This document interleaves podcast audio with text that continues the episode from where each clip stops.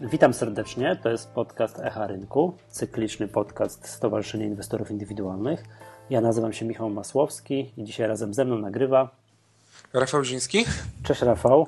Chciałbym tak zacząć, może od dowcipu zaczniemy na przykład, Proszę. czy się nagrywamy, wiesz o co chodzi, czy nikt nas możemy zażartować, czy nikt nas nie nagrywa, jak, bo to są teraz popularne takie. Znaczy, nie siedzimy w restauracji, Tak, nie siedzimy w restauracji, ale nagrywamy się i to specjalnie się nagrywamy, żeby Sami siebie. sami siebie nagrywamy, żeby nikt już nie musiał nas pod, podsłuchiwać, po, nagrywać potajemnie, to my sami siebie e, Znaczy, bardzo, moż- bardzo możliwe, że scenogramy z naszej rozmowy będą również w gazecie w scenariuszu. tak, zgadza się. No i też i nie będziemy czekali, aż nas jakaś e, redakcja gdzieś potajemnie opublikuje, tylko sami ten podcast puścimy w świat i będzie można nas, będzie można nas posłuchać. Dobrze, Rafał, e, chciałbym Cię tak na szybko przepytać dzisiaj o kilka spółek, które są no, gorące i wiemy, że nimi się e, mm, inwestorzy interesują. Pierwszy temat to jest to, że związany między innymi z raportem, który napisaliśmy na stronę, czyli CD Projekt, o tam, temat numer jeden, czyli mm, no wiesz, tam przesunięcie Wiedźmina i tak dalej i od razu łączący się temat CI, Game, CI Games, czyli fajna, popularna spółka, która ostatnio ma, no nie ma zbyt dobrej, dobrej pasy. Jakbyśmy mogli zacząć od tego, co się dzieje w CD Projekcie.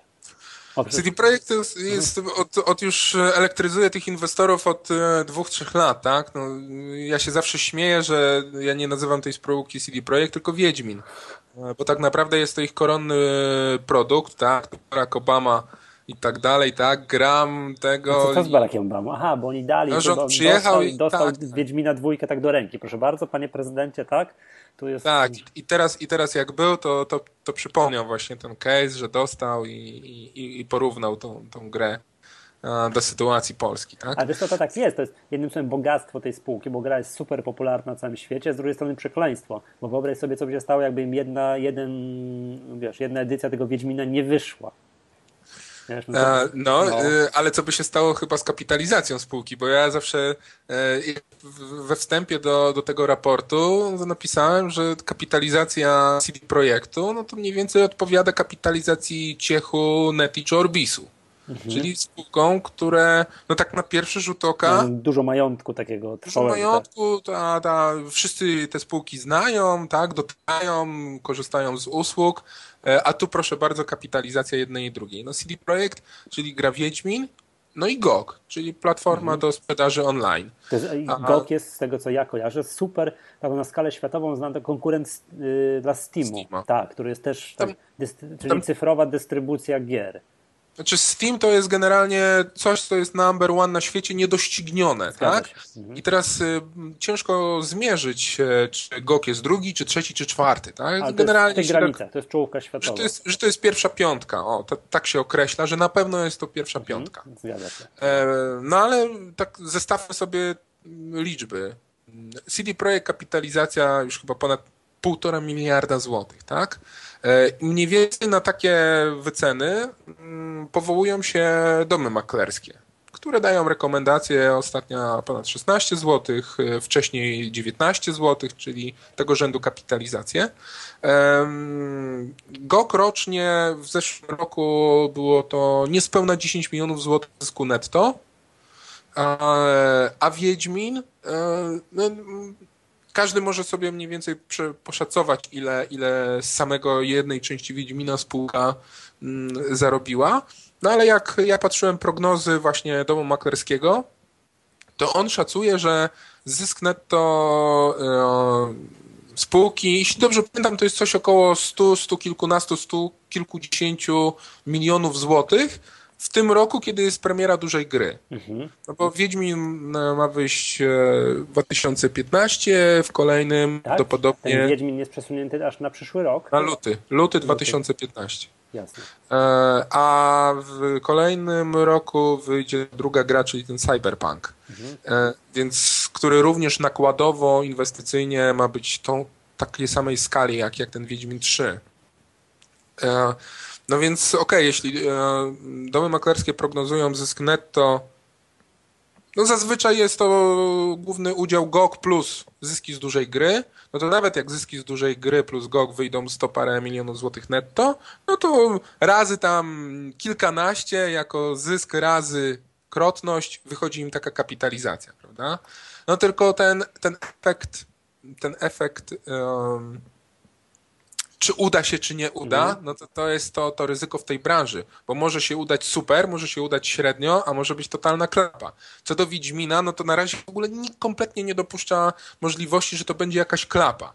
Tu pod względem marketingową, marketingowym super, e, to, to ładnie na razie wygląda, te wszystkie zapowiedzi, tych działalność marketingowa. Bardzo dużym taką wartością dodaną dla, dla wyceny akcji jest działalność marketingowa, czy osoba prezesa Kicińskiego, tak, jego, jego zdolności krasomówcze w wywiadach. Nie, no to jest, wiesz, generalnie gra gwarantuję ci, że 99% osób, które grają w Wiedźmina, czytają recenzje na jakichś międzynarodowych portalach, na jakieś IGN i tak dalej, nie ma pojęcia, jak nazywa się prezes CD Projektu. E, nie, no oczywiście, ale to, też jest... mówimy tutaj, ale to też mówimy takich, e, o takich relacjach z funduszami na przykład, tak? tak? O rozmowach. To też mocno wpływa na, na wycenę akcji. I to ja mógłbym Ci teraz tutaj podać kilka spółek, które w drugą stronę, tak? Są przeszacone w dół, bo mają słabe właśnie jakość tych kontaktów, czy to mhm. działów IR, czy to prezesów, członków zarządu z funduszami, albo niestety wyrobili sobie taką, a nie inną opinię. No, no rozumiem. Y, I, no i na to mniej więcej składa się tak naprawdę e, w dużej części wycena CD Projekt. A jeśli chodzi o CI Games, tak? No CI Games, tak jak już tam w, dwa miesiące temu pisaliśmy w Newsroomie, e, no to w tym roku to są dwie gry, Enemy Front i Lord of the Fallen. Z tą drugą grą spółka, znaczy teoretycznie są wiązane większe nadzieje. No ale w Lords of the Fallen wychodzi pod, pod koniec tego roku, a na początku czerwca, tam 10 chyba czy 13 czerwiec, premiera właśnie miała ta gra pierwsza. Enemy Front, tak? Tak. A to już nie są tak.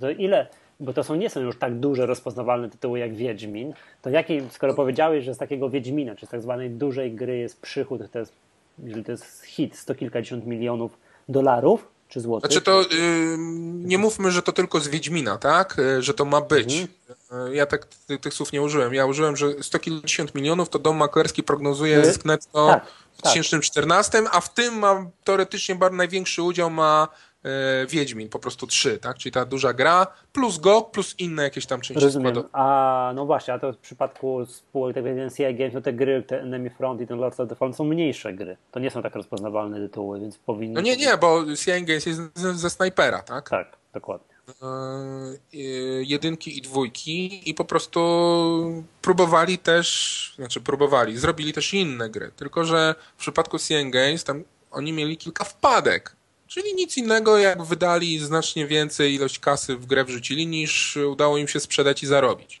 I, i musieli robić e, duże odpisy e, z tego tytułu na wiele milionów. E, no i ten Enemy Front pokazywany wcześniej analitykom, rynkowi i tak dalej, po premierze dostał słabe bądź średnie oceny przez różnych tam speców, portale branżowe mhm. i tak dalej. No ja widziałem taki jeden zestaw ocen, że to było oceny między tam, nie wiem, 2,3, 3 z kawałkiem w skali do od 1 do 10. To bardzo słabo. To, to, to jest słabo, ale też e, w depeszy papu były e, wczorajsze, e, wczorajszej depeszy były inne oceny, że między 30 a 55. To tylko, że od skali do 100. To wciąż Czyli bardzo to słabo. też jest taka trójka albo maksymalnie mm, piątka, no może nie w skali od 0 do, do 100, nie w skali e, szkolnej. Także no to nie są szokujące może oceny, tak? Tylko pytanie, jak oceny speców przełożą się na sprzedaż. No wydaje mi się, e, że ja o tym na forum e, w wątku CI Games że wydaje mi się, że oceny mhm. za granicą to może aż tak bardzo nie wpłyną, znaczy wpłyną w większym stopniu niż te oceny w Polsce, tak? Bo w Polsce poprzez e, promocję, e, poprzez e, odpowiednią cenę, kampanię marketingową, bo tutaj powstanie warszawskie, prawda, są kawałek scenariusza jest, więc że tu polski producent zrobił grę o II wojnie światowej, to w ten sposób też można jakoś podciągnąć sprzedać. No ale za granicą no tak, to się przejmie gdzieś za granicą powstanie warszawskie. Ale teraz, dobra, to jest Enemy Front, tak? I teraz y, tam, jak dobrze pamiętam, około 600 tysięcy egzemplarzy musieli sprzedać, żeby wyjść na zero. zwrócić nakład inwestycyjny. Ale no, jeszcze nie znamy sprzedaży Enemy of the Front. Pytanie, co z tą drugą grą? Jeżeli ta druga gra pod koniec roku też w jakimś stopniu zawiedzie, no to powoli mogą się zacząć robić problemy z Cyan Games, bo jak dobrze pamiętam, tam są obligacje wyemitowane w zeszłym roku z zapadalnością do końca tego roku. One chyba, one chyba są, jak dobrze pamiętam, około 5 milionów złotych. Dodatkowo tam był e, niedawno spółka brała też 5 milionów kredytów w banku takiej właśnie linii kredytowej Mm, więc tutaj jakieś zobowiązania są.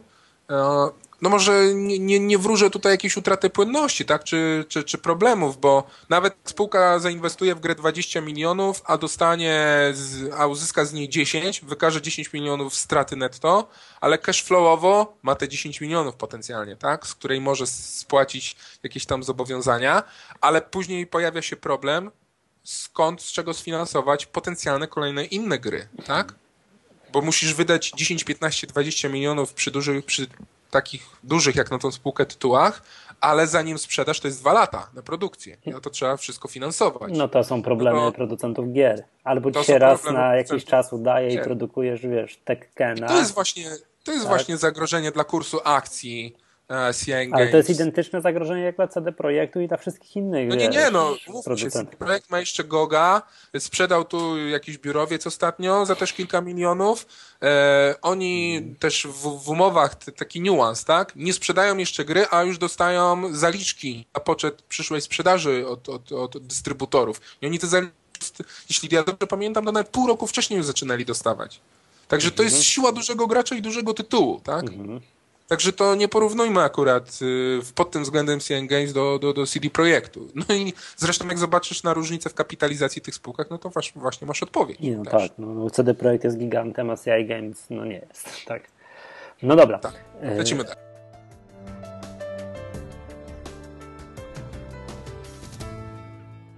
Lecimy dalej. Temat numer dwa. Mm, jutro, no, że przypominam, to powiem słuchaczom, rozmawiamy we wtorek 24.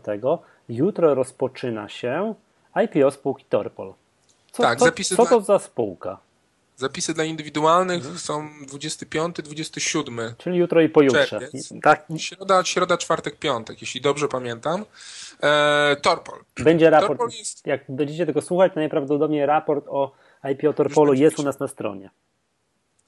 Torpol jest e, spółką z grupy Polimex Mostostal. Jak wiadomo, restrukturyzacja, problemy w Polimexie, e, więc Polimex szuka po prostu wszędzie, gdzie może gotówki, żeby spłacać swoje zadłużenie. No i jedną ze spółek e, zależnych Polimexu był właśnie Torpol. Jest. Do tej pory. I, to, i Polimex ma tam 100% akcji.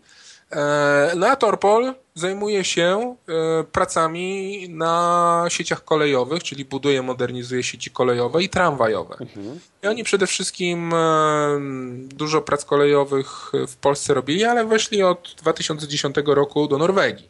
A co ciekawe, w Norwegii te kontrakty e, tam są kontrakty znacznie wyżej marżowe. Poza tym tam w Norwegii infrastruktura generalnie, czy kolejowa, czy tramwajowa jest troszeczkę zaniedbana i, i, i, tam ten program narodowy, ile tam pieniędzy zostanie wrzucone w tą infrastrukturę, no stać chyba Norwegię na to. Chyba, to tak oczywiście w cudzysłowie. Yy, no to tam potencjał jest, jest duży do pozyskiwania znacznie wyżej rentownych kontraktów niż w Polsce. I to jest jeden z dwóch celów emisji Torpolu, bo Torpol również będzie emitował nowe akcje, żeby pozyskać nowe środki na inwestycje. Mm, e, no a w Polsce również bardzo duży wzrost nakładów na, na, na infrastrukturę kolejową. A pamiętasz Więc jakoś wskaźnikowo rekord... tę spółkę? Tak podpytam. No właśnie wskaźnikowo, opierając się na y, 2013 roku, no to CZ tam szału nie robił, tam 22-23. Y, ale opierając się na prognozach y, spółki dotyczących wyników na 2014 rok, to wychodzi 6,5 CZ. O, to już jest... Znaczy to już, Bo tam, a wzrost przychodów dwukrotny blisko. Mhm. No. A w kolejnych latach ma być jeszcze. Tak, przypomnijmy, że rekomendacje wydawać nie możemy, ale jest to na pewno przyczyny do tego, że warto ten nasz raport, raport przeczytać. przeczytać. Tak jest. Że w ogóle nasze raporty warto czytać. To od tego może od tego zacznijmy. Jak nie, zdajemy sobie sprawę, ile czasu mają inwestorzy indywidualni i że mają go mało czasu, a czasami taką pigułę o spółce, na przykład ten CD Projekt, wspomniany, czy teraz Torpol, czy inne raporty w poczekalni warto mieć. O, Alior jeszcze widzicie, z takich nowości, co się ukazał, to jeszcze Alior jest, w którym widziałem, rozstrzelałeś Aliora za relacje inwestorskie. No tu miałem główną uwagę za brak e, prezentacji inwestorskiej w wersji polskiej. No, dla mnie jest to po prostu masakra, bo no skoro spółka, no bank, tak? Też chyba mogę użyć wyrazu chyba w cudzysłowie stać na to, żeby poświęcić 2, 3, 4 godziny pracy jednej osoby, żeby taki raport, e, żeby taką prezentację inwestorską przetłumaczyć na język polski. No, jeden, dzień, jak... jeden dzień w kwartale, no nie róbmy scen, tak? Że... E, a umówmy się, że ta prezentacja e, banku Aliora jest w zasób słów uboga, bo tam jest bardzo dużo wykresów danych liczbowych. Tak, i różnego rodzaju wskaźniki, jakieś takie typowe dla branży bankowej jak ktoś tego nie wie, jeszcze, jeszcze na, co gorsze jest po angielsku, to jest w ogóle siedzi się jak na tureckim kazaniu, czytając taką prezentację po Dokładnie. angielsku. Także to a, jest, jest problem. A, a, przypomnę, że y, ja akurat wysłałem ze swojego konta e-mail, tak, z prośbą maila do, do działu relacji inwestorskich Haliora, z prośbą o przesłanie wersji polskiej, bo nie mogłem znaleźć na stronie. W odpowiedzi właśnie dostałem, że, że, że nie publikują wersji polskiej od razu w angielskiej ze względu na inwestorów zagranicznych. To jest, to jest powiem, straszne to jest. Ja wysłałem identycznego maila, ale już z domeny si.org.pl, to dostałem informację, że jest po angielsku, ale że od przyszłego kwartału planują e, wersję po polsku. Jak zapytałem, z czego taki stan rzeczy wynika, to nie otrzymałem odpowiedzi do dnia dzisiejszego. A już troszkę czasu, a już trochę czasu minęło. No trochę tak pod znakiem zapytania stawiamy. A wiesz co, to podzielę się już taką uwagą. Byłem na mm, konferencji SEGU, która, która dotyczyła relacji inwestorskich. No ja tam grzmiałem, że y, prezentacja jest to najważniejsze, jedno z najważniejszych narzędzi relacji inwestorskich, inwestorów indywidualnych, bo nie mają czasu czytać wszystkiego, a 20-slajdową prezentację to jeszcze mają czas przejrzeć. Po czym wyszedł pan Piotr Sieradzan, mm, który mm, reprezentował punkt widzenia inwestorów instytucjonalnych i powiedział, że tak naprawdę inwestorzy instytucjonalni w pierwszej kolejności bardzo często też sięgają po prezentację Oczywiście. inwestorską, żeby widzieć bo oni mniej więcej znają, czym się spółka zajmuje, ale jak też przeklikując ją, tak wiesz, page down, page down, page down, robią sobie taki update, aha, dobra, to minął kwartał, spółka jest w takim, takim momencie. No i nagle tej prezentacji nie ma po polsku, no to to jest, to jest jakaś e, a przypomnijmy, a przypomnijmy, że w IPO Aliora, tak, bardzo tak, dużego, popularne, no, duże IPO. Kilkanaście tysięcy inwestorów indywidualnych, więc no już z czystej grzeczności wypadałoby się zobowiązać, żeby te prezentacje jednak po polsku były. Umieszczać, tak? Dobra. Dobrze, wiesz co, Koń, koniec, to koniec tak, ten Torpol, y, raport będzie na stronie, to już być może jak będzie już po IPO, to się odniesiemy do tego, jakim to IPO poszło. Zachęcamy Państwa do czytania.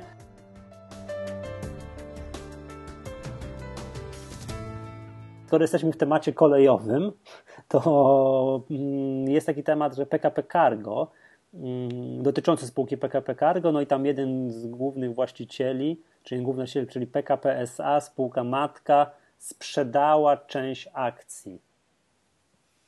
Tak, e, oni mieli PKP SA, e, mieli taki lock-up. Tak, dokładnie. Po, po debiucie Cargo na, na giełdzie. No i ten lock-up tam niedawno się skończył, wygasł i postanowili ponownie um, ukrócić się w, w akcjonariacie. E, no mnie zaskoczyła jedna rzecz. Cena, po jakiej to ta transakcja została przeprowadzona.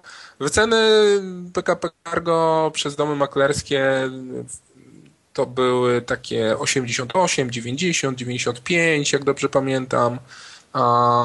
Więc umówmy się, że znacznie wyżej niż e, cena w sprzedaży, która wyniosła 76,50. No to jest dobre kilkanaście procent niżej. Mhm. Popyt okazał się trzykrotnie wyższy niż e, podaż w tym bookbuildingu. No, wiesz, A, poniżej, no, poniżej wycen no, jest kurs na giełdzie teraz 79 tam z hakiem. Tak?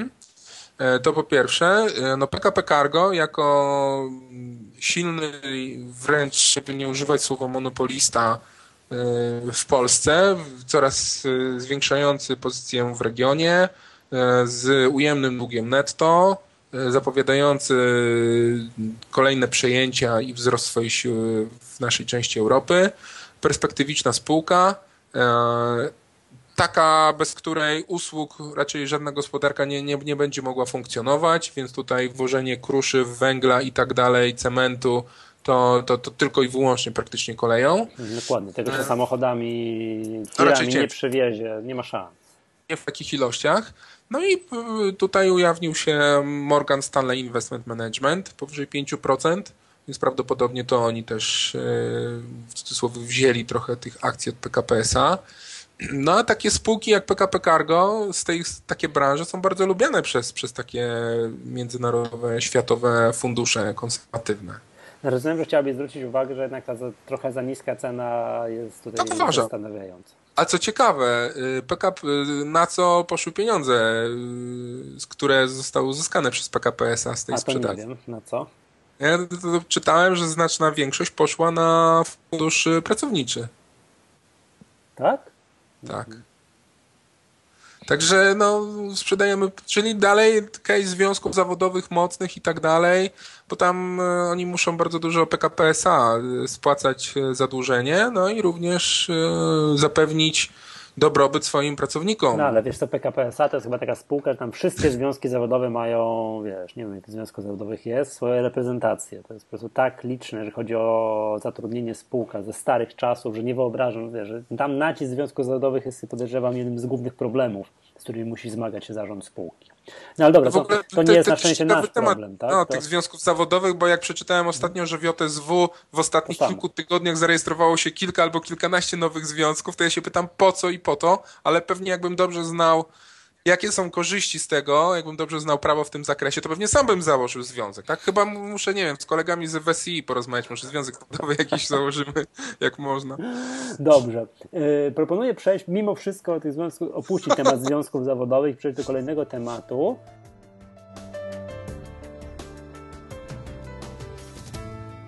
Yy, jakby temat dywidendy w PZU za 2013 wypłacane w 2014 no to już jakby jest za nami. Już wiadomo, że łącznie tej dywidendy będzie 54 zł. Teraz jest, pojawia już, no, jak ktoś inwestuje dywidendowo, to może zacząć sobie już powoli zadawać pytanie, jaka ta dywidenda będzie za 2014 rok, która będzie wypłacona w 2015. Ale to jest temat, który jest pochodną energii, bo tak naprawdę tak, tak no bo w momencie, kiedy została pokazana szansa, że w Enerdze w przyszłym roku może być wyższa dywidenda, co już niejednokrotnie podkreślaliśmy, no to nagle wszystkie wyceny zostały zupdate'owane domów maklerskich w górę. I ostatnio to już my, my pisaliśmy, e, że 21,90, tak? Była ostatnia... Już jest chyba 23 jakieś. A 23 tak. wczoraj czy przedwczoraj wyszła. Także to już licytacja dalej. O tym też chyba na, na, na forum któregoś dnia w ostatnich e, kilkudziesięciu godzinach napisałem, że coś takiego się mhm. pojawiło. E, no i dlatego od razu skojarzyłem. Tam, jak, trzeba jak... czytać tam forum Seorg.pl, bo tam Rafał czasami wrzuca coś. Wątki poszczególnych spółek, tak? Tak, tak, tak, tak wątka spółek. Cenne rzeczy, których może trzeba, trzeba warto śledzić. E, więc tutaj w PZU. Mm, no, niestety nie mogłem użyć konkretnych liczb, bo mm, to, jakie mamy informacje na temat dywidendy w PZU 2014 roku, to jak na razie tylko procent zysku netto jednostkowego PZU, e, czyli między 75 a 100%. Mhm. W ostatnich dwóch latach, no to w 2012 to było 99 jednostkowego e, zysku netto wypłacone na dywidendę, w 2013 było 91,3% zysku. Więc jeśli dalej będzie tak około 90-100, no. no to będzie dobrze. To jest maks tak naprawdę, co może przecież PZU wypłacać. Tam są cały czas targi z KNF-em. Ile oni tych, Zgadza się. Tej, tej dywidendy mogą i w ogóle czy generalnie spółka mm, tak, która ma charakter ubezpieczeniowy, może, bo ona musi mieć jakieś tam minimalne wskaźniki bezpieczeństwa utrzymane tak. i tam cały czas walczą, żeby te wskaźniki mimo wypłaty, wysokiej wypłaty dywidendy cały czas były no, gotówki z bieżący, tak z działalności operacyjnej to żeby je starczała, to żeby te, te wszystkie wskaźniki pokryć. Ale do tej pory, z tego co widziałem, w kolejnych komunikatach spółki, to oni sobie bardzo ładnie radzą. No między innymi dlatego te dywidendy są te wypłacane, powiedziałbym, no tak, na dwa tempa, no tak. żeby te wszystkie wskaźniki na bieżąco były utrzymywane. A, więc teraz pytanie, jak mamy mniej więcej, jaki procent zostanie wypłacony tej dywidendy, to teraz pytanie, jaki będzie zysk, tak? Aha. Do podziału. No, e, dlatego też umieściłem taką tabelkę w newsroomie w tekście, mm, wyniki jakie były między 2010 a 2013. No, w 2013 e, to spółka matka dostała znacznie większą dywidendę niż zazwyczaj od e, PZU Życie a ubezpieczenia na życie są najbardziej rentownym produktem w PZU. E, I stąd zysk e, jednostkowy netto w 2013 PZU wyniósł 5,1 miliarda, a w 2012 czy 2011 to było połowę mniej, bo 2,5 miliarda. No i teraz możemy sobie teraz tylko gdybać, bo ja próbowałem gdzieś znaleźć jaki jest konsensus rynkowy dla wyniku PZU 2014, ale tego nie mogłem. Do PZU w piątek się nie dozwoniłem, żeby podpowiedzieli mi, gdzie to mogę znaleźć, tak? E, więc możemy sobie gdybać, jaki ten zysk e, może być. Tu w działalności takiej operacyjnej PZU no za wiele się nie zmienia. E, te nowe spółki, które oni kupili na wschodzie, we wschodnich krajach, no to umówmy się, że jakiegoś dużego udziału w zysku nie będą miały. Więc zakładając, że ten zysk w 2014 będzie na podobnym poziomie co w 2012 i 2011, czyli około 2,5 miliarda, no to dywidenda ma szansę być na dwadzieścia kilka złotych. Mhm. Czyli około 5-6% stopy dywidendy. Przy takich założeniach, takich naszych gdybaniach, tak? Mhm. A jest szansa, że było podobnie jak w tym roku? Yy, no to musiałby być znacznie wyższy jednostkowy ten zysk netto, tak? No. A w tym roku on został napompowany, w 13 został napompowany przez ten PZU Życie, przez dywidendę z PZU Życie. Ja cię rozumiem, ale były jeszcze, mm, aha, ale to w sumie na niekorzyść działa, jeszcze inwestycje w Link 4 i tak dalej. To ale to mówię, że to nie, to, to nie będzie aż miało aż taki wielkiego mhm. udziału, żeby nagle z 2,5 miliarda zrobić 4 miliardy. Mhm, tak? No dobra, trzeba obserwować. No generalnie tam też jak w tej tabelce ładnie pokazałeś, co by nie było, jakby to nie liczyć, to PZU już za, swojego, za swojej bytności na giełdzie wypłaciło 120 parę złotych w dywidendzie. Tak, a no. przypominam, że można było to kupować, no jaka była, jaka była cena debiutu PZU? 300 coś? Jest, nie pamiętam. O, nie pamiętam, ale chyba tak. No, no to już jest jedna trzecia już się zwróciła w tym, tak? Ponad jedna trzecia już się zwróciła. Tak, to według, według tych moich wyliczeń to po uwzględnieniu podatku dywidendy z ostatnich czterech lat 107,2 grosze. Tak, pięknie, z jednej akcji.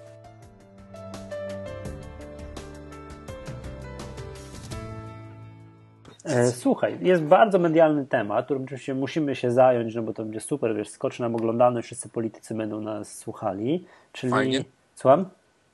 Dobrze, fajnie. tak, fajnie. Może czegoś dowiedzą się o sprawach giełdowych, może któryś polityk dowie się, że rynek kapitałowy w Polsce istnieje. Otóż, mm, jak wiadomo, tak jest, media o niczym innym nie mówią, jest tak zwana afera taśmowa. Wszyscy się nagrywają teraz, okazuje się, że, wie, że na szczytach władzy wszyscy klną jak szewce. No nie, zostałem się też, kto naiwny liczył na to, że jest inaczej, także tam, że tam się rozmawia piękną polszczyzną, jak wiesz, jak po, poeta z poetą. No raczej tak nie jest, no ale to jest nieistotne.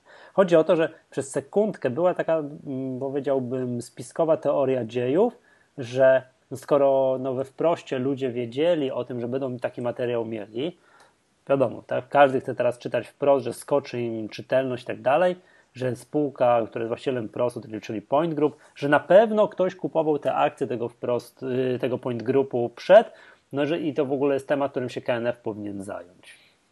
Insider trading? Tak, no insider trading, wiesz, no.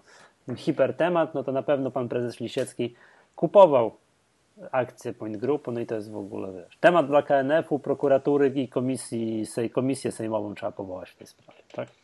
Znaczy, tak, e, obroty na Point Groupie no nie należą do jakichś olbrzymich, bo w styczniu one były jakieś tam spore, no, zdarzały się dzienne obroty w stylu milion, niecałe miliony, tam ze trzy razy było.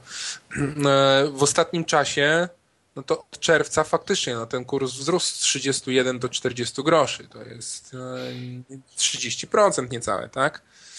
No ale to już chyba było zgodnie razem z ujawnieniem tej afery taśmowej, więc tutaj e, to pewnie już sam rynek pociągnął do góry ten kurs. Mhm.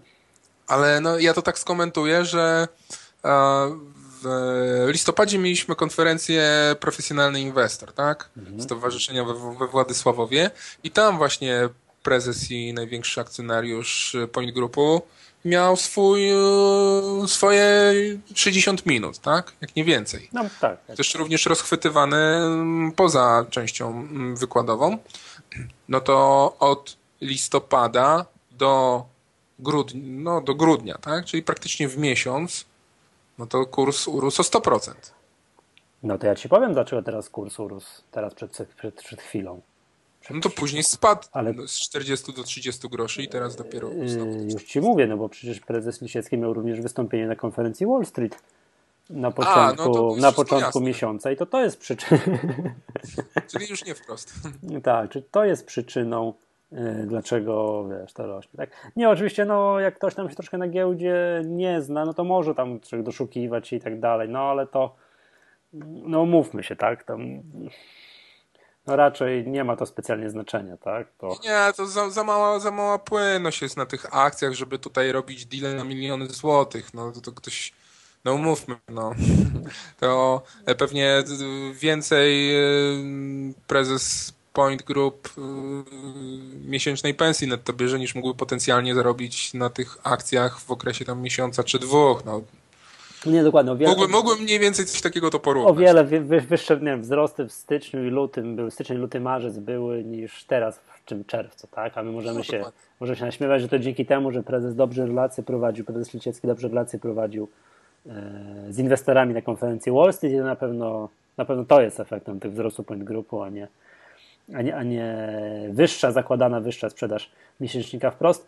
Mm, tygodnika wprost zakładam, że też tak jak mogła wzrosnąć im sprzedaż, tak też mogło wzrosnąć ryzyko tego, że im się służby dobiorą Dokładnie. do komputerów, tak, do komputerów i tam będą mieli problemy z wydawaniem, z wydawaniem dalej gazety. I takie ryzyko na pewno teraz w przypadku wprostu, wprostu istnieje. Dobrze. Y, pośmialiśmy się troszeczkę tak ze specjalistów giełdowych przy okazji mm, tak, afery taśmowej. Szkoda, że nie nagrywamy podcastu takiego, wiesz, technologicznego, komputerowego, to byśmy się pośmiali z tego, że żeby nie mieli specjalistów, żeby śrubki od Maca odkręcić, żeby tam dane przejść. No ale dobra, to jest temat na inną rozmowę.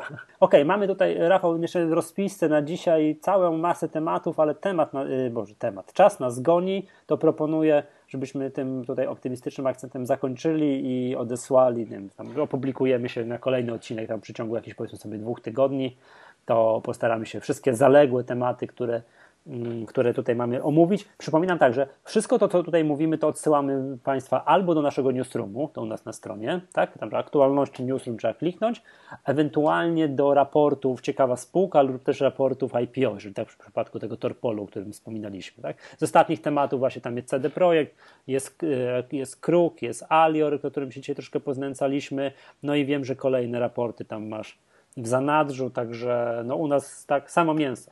Jeżeli ktoś nie ma czasu na śledzenie na bieżąco sytuacja, jakby no powiedziałem tak po inwestorsku, mielenie wszystkich spółek, to my te ciekawe spółki, te największe kwiatki y, staramy się wyciągnąć.